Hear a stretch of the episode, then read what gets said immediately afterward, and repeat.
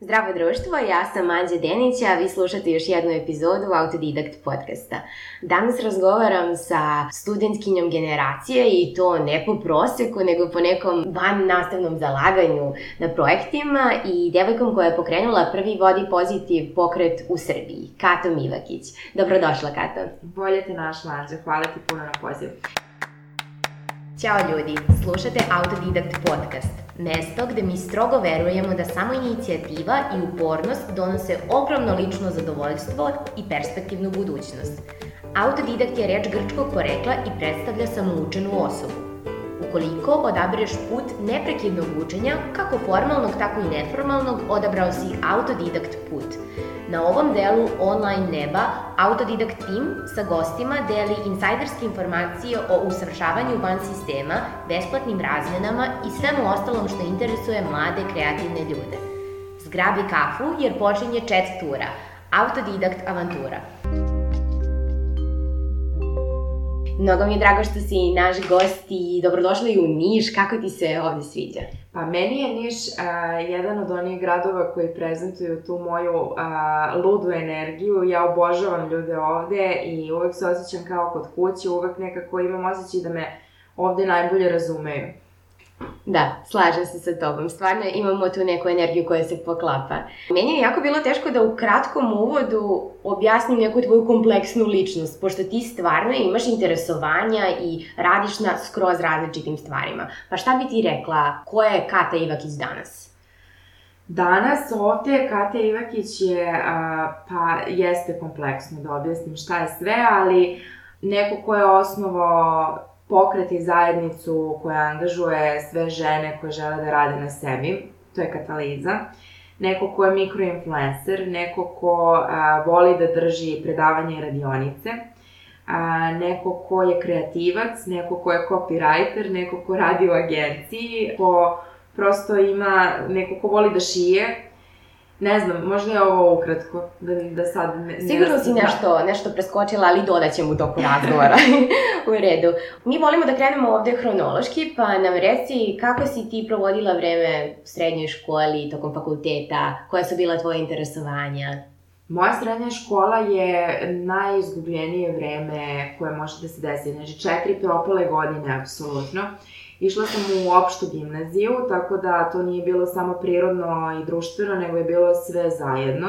Imala sam e, momke i na to sam najviše trošila vreme. Ove, ovaj, tako da ja sam baš ono primer kako ne treba trošiti vreme u srednjoj školi. I kad si mi to postavila, baš sam kao radila isto retro, retrospektivu I setila se da sam imala lepo iskustvo samo sa časom likovnog obrazovanja, gde sam imala sjajnu a, profesorku mm -hmm. i da sam bila deo omladinskog žirija Oktobarskog salona. A, u suštini, to je jedan sjajan događaj a, gde mnogo umetnika iz celog sveta izlažu na najrazličitijim lokacijama u Beogradu. Mm -hmm. I tu sam se prvi put susrela sa e, performansima, e, sa nekim vizualnim umetnicima koji na najrazličitije načine ispoljavaju svoju umetnost, koja nije baš tipična, nije samo neko, neka slika Slika, da. ili nešto što podrazumevamo pod, pod umetničkim delom. Tako da to mi je možda najviše značilo u tom periodu izgubljenosti srednje škole. Tako da, Negde uvek gledam da mi je osnovna škola bila jako lep period. Tad sam išla na glumu, na scenski pokret, u umetničku školu, crtala sam, slikala sam. Svake zime i svakog leta su bile neke aktivnosti uh, u Zemunu na koje sam išla, koje je organizovala opština Zemun. Dalje je to bilo pletenje, makrame, slikanje na platnu, najrazličitije radionice i to me je tada interesovalo. Ali sa upisom srednje škole to je negde sve propalo I sećam se da sam u trećoj godini srednje škole počela da radim, treća na četvrtu godinu. Prvi put sam radila u poslastičarnici, sladoled sam točila mm -hmm. i te mhm. stvari. I ovaj, onda su, baš zbog toga što sam kao kreativac, saznali za mene i počela sam da radim e, kao dekorater u jednoj firmi za organizaciju i dekoraciju venčanja i to sam najduže radila, to sam radila do kraja fakulteta.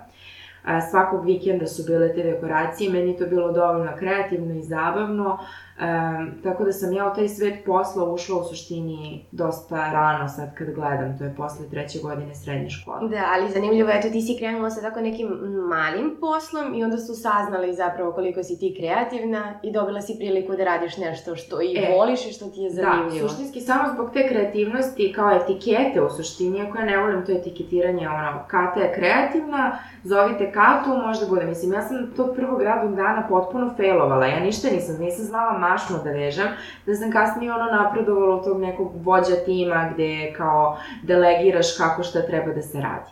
Ali to se u suštini sve promenilo upisom na fakultet, jer kao upisala mm -hmm. sam mhm. fakultet dramskih umetnosti, smer management i produkcija pozorišta radija kulture, što samim svojim nazivom daje toliko, toliko neke širine, da. da sam mogla da se bavim i pozorištem i radijom i filmovima i snimanjima i festivalima i kulturnim događajima I onda je to zapravo negde krenulo da bude stvarno. U smislu, ok, na mestu sam koje, koje sam želela da budem, mogu da radim šta god želim i nemam neku kutiju u smislu, e sad si upisala samo to i smeš po načelima je da se baviš samo tim. To je takva laž, to je takva neistina, šta god da ste upisali i čime god da ono se bavite, uvek možete da se bavite dodatno još hiljadu jednom stvari. Tako da, ove, a slobodno vreme na fakultetu, pa ja to ne gledam kao slobodno vreme, jer e, sve mm -hmm. vreme koje sam provodila i na svim projektima kojima sam radila, sam želela da budem. Tako da nisam imala neki baš specifičan hobi, ovaj, sem što eto tako crtkala sam a, i mislim da je to to.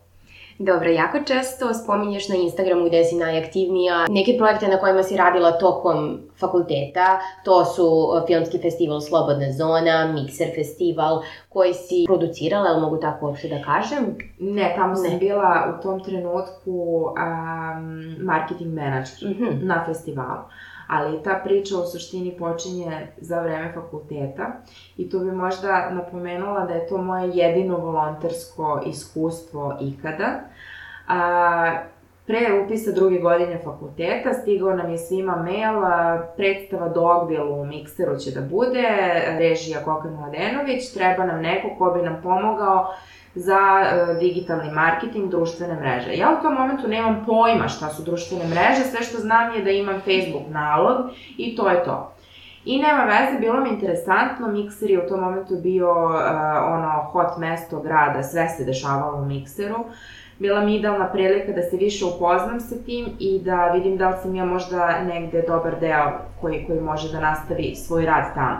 Mhm. Prijavim se, šest meseci sam radila na toj predstavi, E, to su možda momenti na koje sam najviše ponosna, jer kao uspeli smo da plasiramo jednu sjajnu predstavu koja je bila rasprodata stalno. Upoznala sam sjajne ljude i to me odvelo do posla u mikseru, u suštini. Stvarno, ovaj, i neverovatno mi je bilo da su mi kasnije rekli da čak nije bila ni zainteresovanost studenta da se jave na taj poziv, nego da je bilo možda nas nekoliko koji smo želeli, eto, time da se bavimo, pa uvek vraćam film i u fazonu sam da li se studenti plaše da, da krenu, da li misle da to nije za njih. Ja ništa nisam znala, nisam znala da otvorim page, Facebook, nisam znala kad mi je moja ta mentorka sa kojom sam radila na tome rekla treba da platimo reklamu na Facebooku. Šta je reklama na Facebooku? Tako da to je bilo sad već pre nekih 5-6 godina, ne mogu tačno da utempiram, ali iz te faze doći u fazu gde stvarno znate mnogo o marketingu na društvenim mrežama je ono jedan ozbiljan razvojni put. Da, ali to je bio prvi korak, moralo je sa nečim da se počne, a ta neka volontiranja su odlična prilika da zakoračiš u svet gde imaš, kao što ti kažeš, mentora, nekog, znači, ko ti još dodatno pomaže i to ne plaćaš to znanje koje naučiš, a pomogne ti kasnije za posao. Apsolutno. Tako da, super, baš mi je drago što si to podelila sa nama. Mi možemo da kažemo da si ti neku veću popularnost na društvenim mrežama, prvenstveno na Instagramu, gde si najaktivnija, stekla nakon ili tokom projekta Kataliza. E sad, interesuje me šta je presudilo da se ti prijaviš na to takmičenje koje te je financijski podržalo zapravo da ti stvoriš tu zajednicu body positive ljudi? Pa, u suštini, ja bih rekla da popularnost sam stekla tek kada sam krenula da dejtujem sa svojim dečkom Stefanom, ovaj, jer je to postala potpuni hit na, na Instagramu, ali u suštini ja sam prošle godine baš u ovo vreme krenula mnogo više stvari da delim na svom Instagramu, posebno što se tiče katalize. To je neka inicijalna ideja u suštini bila uh, Završila sam fakultet, nisam znala šta da radim sa svojim vremenom, a imala sam tada dosta vremena da se bavim sobom, upisala sam šivenje iz neke lične frustracije jer nisam imala neku prelepu garderobu da nosim, a želela sam. Naučila sam da šijem, krenula sam prvo sebe da šijem, onda je počela da bude ta neka zainteresovanost za te haljine i suknje. Krenula sam da šijem za druge i shvatila sam da sve te devojke imaju negde iste probleme i sa istim stvarima se suočavaju i tako je nastao Kataliza projekat koji se desio u Nišu, u Beogradu i Novom Sadu u četiri radionice u svakom gradu. I tu je bila sjajna ta podrška Erste banke koje su mi onako baš dali vetar u leđe da mogu to da realizujem, da upoznam sve te divne ljude koje sam upoznala i da negde i proširam tu publiku. Jer e, naša prva ideja bila je to je plus size. Mi želimo da pričamo sa krupnijim devojkama i ženama, i da sa njima radimo. Međutim, tek na radionicama smo shvatili da je to suštinski body positive i da mi dobijamo i momke i e, turbo super zgodne devojke koje dolaze na radionice o samopouzdanju i samopoštovanju i sad ja tu treba da istupim i da pričam o tome, a to je nešto što mi po defaultu podrazumevamo. Aha, ona je lepa, ona je zgodna, ona sigurno puca od samopouzdanja. A suštinski nije tako. Tako da negde se svi mi, mladi i stariji, suočavamo sa tim izazovima, kako se osjećamo najviše. E, da, ja se u potpunosti slažem sa tome, evo ja prva imam taj osjećaj, ja mislim da svi imamo to, to neko, taj neki problem sa samopouzdanjem što se tiče našeg fizičkog izgleda i to je nekako nametnulo društvo, nametnula marketing industrija I sada potrebno je u nekom tom periodu, pogotovo adolescencije i možda malo kasnije odrastanja, da se shvati zapravo koje su prave vrednosti i meni se čini da kataliza to savršeno radi. Često ističeš da si sama osmislila i iznela tu ideju kataliza. Reci mi kako je bilo u tim nekim, sigurno si imala neke trenutke kada nije sve išlo po planu i kada si sama, kako se ti trenuci prevazilaze? Pa u suštini inicijalna ideja uh, jeste krenula od mene, ali bio je tu onako jedan tim uži, što bih ja rekla, Doroteja je negde moj, moj prvi čovek. Ovaj, I ja nju zovem i šale glas razuma. Jer ja jesam neko ko je producent, neko ko je organizovao to sve, neko ko je komunicirao sa štamparijama, podizvođačima, prostorima, neko ko je plaćao sve te račune i ovaj, sve te stvari negde hendlovao i shvatila sam ako ništa iz toga u čemu sam loša, šta meni ne ide u suštini. Ja sam kreativac, meni ne ide baš dobro APR, otvaranje udruženja, banke, u tome baš sam, baš sam loša, mislim prosto. Ove, I a, ono što je drugo, umem da budem malo um, neracionalno, u smislu da odletim na... Ti letiš, da. da. ja letim. Treba ti neko da te prizemi. I meni je to Doroteja bila u suštini. Svaki put me vrati, svaki put... Njene konsultacije su u suštini uvek bile tu da me negde urazume ne znam, bilo je, bilo je tih trenutaka, naročito pre početka samog projekta, gde sam se baš uplašila kako će to da izgleda. Postavila sam sebi nerealna očekivanja od sebe. Nisam znala kako sad, mislim, kao da nikad studirala produkciju nisam, baš je bilo teško. I onda u tim momentima koji su stvarno nerazumni, sam se potpuno vratila i tu mi je značila podrška, uh, tad sam bila na jednom životnom mentorstvu, što bi rekli, Snežana Marković je jedna sjajna uh, koučica, copywriterka i sa njom sam radila nekoliko meseci. Ona me je negde najviše dovela u red pre početka 2019. godine da kao skupim svu moguću snagu i hrabrost i krenem to da radim ali um, ono što, što moram da kažem je da smo mi u suštini komandanti našeg uma, a da nije naš um uh, komandant nama i da je um samo jedan alat koji mi koristimo, on je nama na usluzi. I svaki put kad čujem nisi dovoljno dobra, nisi dovoljno dobro uradila, da, da, da, ja shvatim da to nisu moje reči nego da je to taj um, taj cenzor koji želi da me ubedi u nešto što ne pripada meni i onda uvek gledam da u tim situacijama odvojim a, šta je stvarnost, pa šta je iluzija. Da, znači, koliko sam ja shvatila, Doroteja je tvoja drugarica. Pa, Doroteju sam zapravo upoznala preko katalize. Ja sam Aha. imala taj konkurs za devojke, modele a, koje će nositi katalizinu haljinu i svakom sam kliknula na drugačiji način, a za Doroteju sam baš smatrala da će mi biti dobar, dobar član tima u suštini, tako da nas dve smo negde kataliza kao i sve devojke koje imaju haljinu osjećaju se deo zajednice.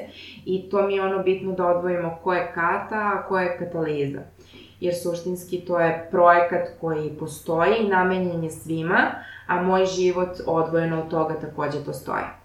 Jasno, da, tako da rešenje je svakako da imamo nekog prijatelja, člana porodice, mentora koji će da nas usmeri malo kad zađemo pa, sa strane. Prvo to naći u čemu niste dobri, šta vam treba i naći osobu koja je suprotnost tome, a da opet dobro funkcioniš. Ti predvodiš tu grupu mladih ljudi koje je osvestila neke stereotipe što tiče fizičkog izgleda, ali i druge stereotipe nametnute mladima danas. I samim tim kataliza je dokaz da su promene moguće kada one poteknu od mladih. Šta misliš da je u tvom slučaju bilo presudno da izazoveš masu tih pozitivnih promena što u razmišljanju, ali i u delovanju? Pa mi na katalizi smo često potencirali jednu rečenicu, to je da skromnost nije vrlina.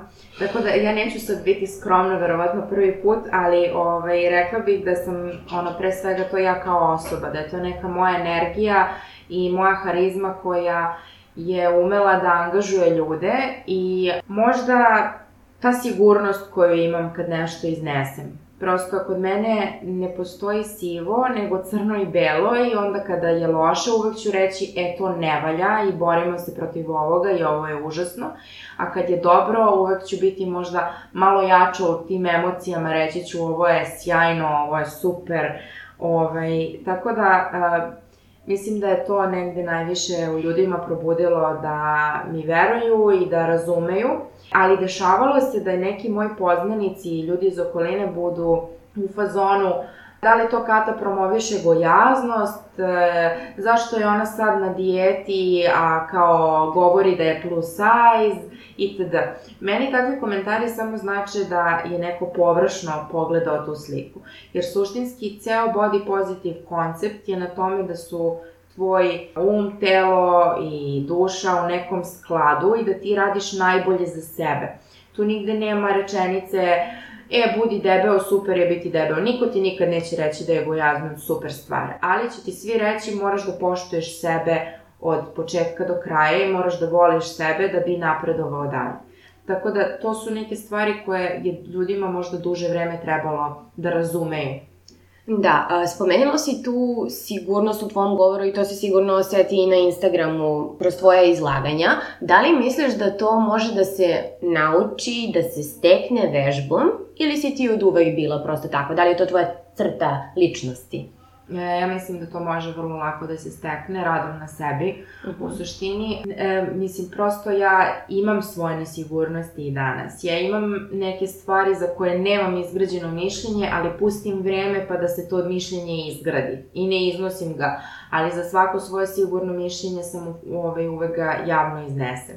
Tako da, a, dobro je početi od toga da pravite mišljenja prema stvarima. U smislu, ovo mi se sviđa, ovo mi se ne sviđa. Generalno, moja ličnost jeste takva da sam onako, da imam dve polarnosti, dobru i lošu i da tu nema, nema stvari za koje ću ostati ravnodušna. Pa samim tim mislim da negde i ljudi prema meni ne mogu baš da ostanu ravnodušni. Ili će im se ovo super dopadati ili im se neće dopadati uopšte. I to je potpuno u redu. Znači ja negde dolazim do publike koja, koja je ovo potrebno, i njima je to super sadržaj, a ovi kojima se ne dopada, pa postoji toliko drugih sadržaja prosto. Da, slažem se. I držiš sama kurs mikroinfluencinga. Da li misliš da je to jedan od načina da se dobre ideje koje potiču od mladih iznesu u javnosti i da se, da se dođe do te promene u razmišljanju? Ja mislim da jeste. Ja mislim da svi mi koji bilo kakav mali korak napravimo, a da ga iznosimo javno, da je to super stvar. Baš iz razloga što mediji napreduju, digitalne mreže napreduju, neka personalizacija sadržaja je nešto što je najveći trend za budućnost i u smislu da baš ti kao anđe izađeš i kažeš nešto, ljudi će tebi verovati i da, i da kažeš za uslugu i za proizvod i za festival i za podcast, za bilo šta, oni će se vezati za tebe. Zato što ljudi vole ljude i ljudi vole emociju koja im se pravi i oni da. se vezuju za emocije. Tako da, ja negde mislim da i biznisi, a i svi mladi uh, treba kao osobe da istupe ispred toga da bi efekt bio što bolji. Da, i čini mi se da je danas bolje vreme nego ikada da to uradimo sa svim društvenim mrežama. Da. I na kraju krajeva, ja kada pogledam tvoj Instagram nalog, to je u neku ruku i tvoj portfolio, tvoj CV pokazuje šta si ti radila, ko si ti, tako da mislim da je to dobro što se tiče onako biznis strane, poslovne poslednje yes. strane. Tu samo treba sad praviti granicu šta sme da ide na Instagram, šta ne sme da ide na Instagram. to svakako, da. E sad, mi imamo pitanje koje postavljamo svim našim gostima u podcastu, a to je da možeš da se vratiš koliko, 4-5 godina unazad, da si danas u srednjoj školi ili na fakultetu, šta bi uradila drugačije? Ja, baš teško pitanje. Na fakultetu ništa ne bih uradila drugačije. Fakultet mi je vreme gde sam sve uradila kako treba u srednjoj školi bih sve uradila drugačije, zato što mislim da je to jedno bačenih četiri godine gde sam mogla, na primer, mnogo više da čitam, idem na radionice, usavršavam se, istražujem svoje neke potencijale interesovanja i tu bih se više nekako angažovala da istražim šta, šta postoji od programa za mlade, jer to uopšte čak nisam ni istražila, pa samim tim to nisam ni pohađala. Jasno. E, slažem se u potpunosti sa tobom. E, da li možeš da nam daš neku preporuku za emisiju, knjigu, podcast, nešto što ti u poslednje vreme baš onako izazvalo neku buru emocija i onako promenilo ti je neki mindset? Pa, knjiga godine, već tri godine. knjiga koju, koju uvek, uvek mi se rado vraćam je uh, Put umetnika Julia Cameron. To je 12-nedeljni program um, gde prosto radite sami sa sobom, pišete tri strane dnevno, bilo kakvog sadržaja, kao neka mentalna higijena i prosto dobijate mnogo, mnogo, mnogo ideja kada očistite mozak od svog tog džubreta koji se nalazi u mozgu. To je prosto nešto što nema veze sa umetnicima direktno, već je namenjeno svima nama a, za emisiju i podcast, pa ne bi mogla da ti kažem to što ja trenutno slušam je više možda motivacijono ili weight loss ili nešto na taj način, ali mogu da ti kažem za kurs. Um, vola bi prosto da svi malo više istraže Snežanu Marković, ona je meni bila najbolji sadržaj koji sam ikada pronašla online pre tri i po godine ona će sada u decembru da plasira svoj kurs o ciljevima. Ja sam kupila prošle godine taj kurs, ove godine ga je ona još malo razradila i sigurno sam da će biti mnogo bolji. Meni je taj kurs potpuno a, promenio strukturu vremena i čemu ću da se posvetim najviše. U suštini, tačno sam programirala ne ono 15 odluka za novu godinu, ni jednu neću uraditi, nego tačno tri konkretna cilja, na njima radim ove godine, njima sam dosledna i tačno bukvalno po kategorijama je objašnjeno zašto i kako napraviti te ciljeve. A jedan od isto boljih kurseva koji je trenutno ovaj, kod nas ovde u Srbiji je takođe bez lažne skromnosti mikroinfluencer makro ovaj, stvarno sam ga dobro organizovala i vidim već evo treću grupu danas držim u Nišu. A, malo je polaznika, baš zato što sa svima želim kvalitetno da radim. Nakon radionice svako dobija i konsultaciju jedan na jedan, tako da baš sam onako aktivno uključena u njih, zato što mislim da ovaj tip radionice je stvarno za one koji zaista žele time da se bave i nije ne, nešto masovno u smislu želim punu salu od 100 ljudi, ne, želim osam baš dobrih, kvalitetnih osoba koje će raditi na svojim profilima i koji će kasnije meni biti referenca da smo napravili neki dobar profil. Sjajno. A, I reci nam, koji su neki tvoji planovi za budućnost, pošto sam sigurna da ih imaš puno? Pa, napravila sam neke ciljeve za 2020. A, jedan od njih je da bih volila da počnem da trčim, tako da je to jedan od mojih ciljeva. A drugi je da krenem da uplaćujem sebi životno osiguranje, a, zato što da. kao nisam baš najbolja u finansijama i možda je bolje da sad krenem već da odvajam. I treće je da intenzivno radim na tom nekom osnivanju kataliza centra koji bi trebao da nastane u nekoj budućnosti, što ne mogu tačno ni da kažem kada, ali trenutno sam u razvoju biznis plana i takvih stvari. To je, to je jako zanimljivo, jedva čekam da to počne sa radom. Reci nam još samo gde mogu naši slušalci da te nađu, gde si najaktivnija, gde da te zapratimo aktivna 024 kroz 365 na Instagram Potvrđujem. Kata Ivakić, um, vrlo jednostavno, htela sam da promenim u Kata TV, ali prosto ovaj, neka bit će Ivakić još neko vreme. Ovaj, tamo sam stvarno aktivna, tamo stvarno sa svojim pratiocima komuniciram, svako ko, odgovaram u DM, nisam od jedna od onih koje kao... I to potvrđujem. Da, tako da ovaj, uvek bilo šta da treba, tamo sam. Odlično. Hvala ti puno što si gostovala još jednom, bilo mi je ogromno zadovoljstvo da pričam sa tobom. Takođe, hvala tebi na ovom sjajnom, sjajnom intervju, meni je bilo jako inspirativno da se vratim u to neko vreme i nadam se da dam neki koristan savjet. Zasigurno jesi. Vama hvala još jednom što ste slušali Autodidakt podcast i nas zapratite na Instagramu i Facebooku pod imenom Autodidakt podcast. Tamo često objavljujemo neke van nastavne aktivnosti koje su zanimljive za mlade i čujemo se u sledećoj epizodi. Pozdrav! Realizaciju ovog podcasta omogućili su Forum za odgovorno poslovanje, Coca-Cola i Unbox Hub.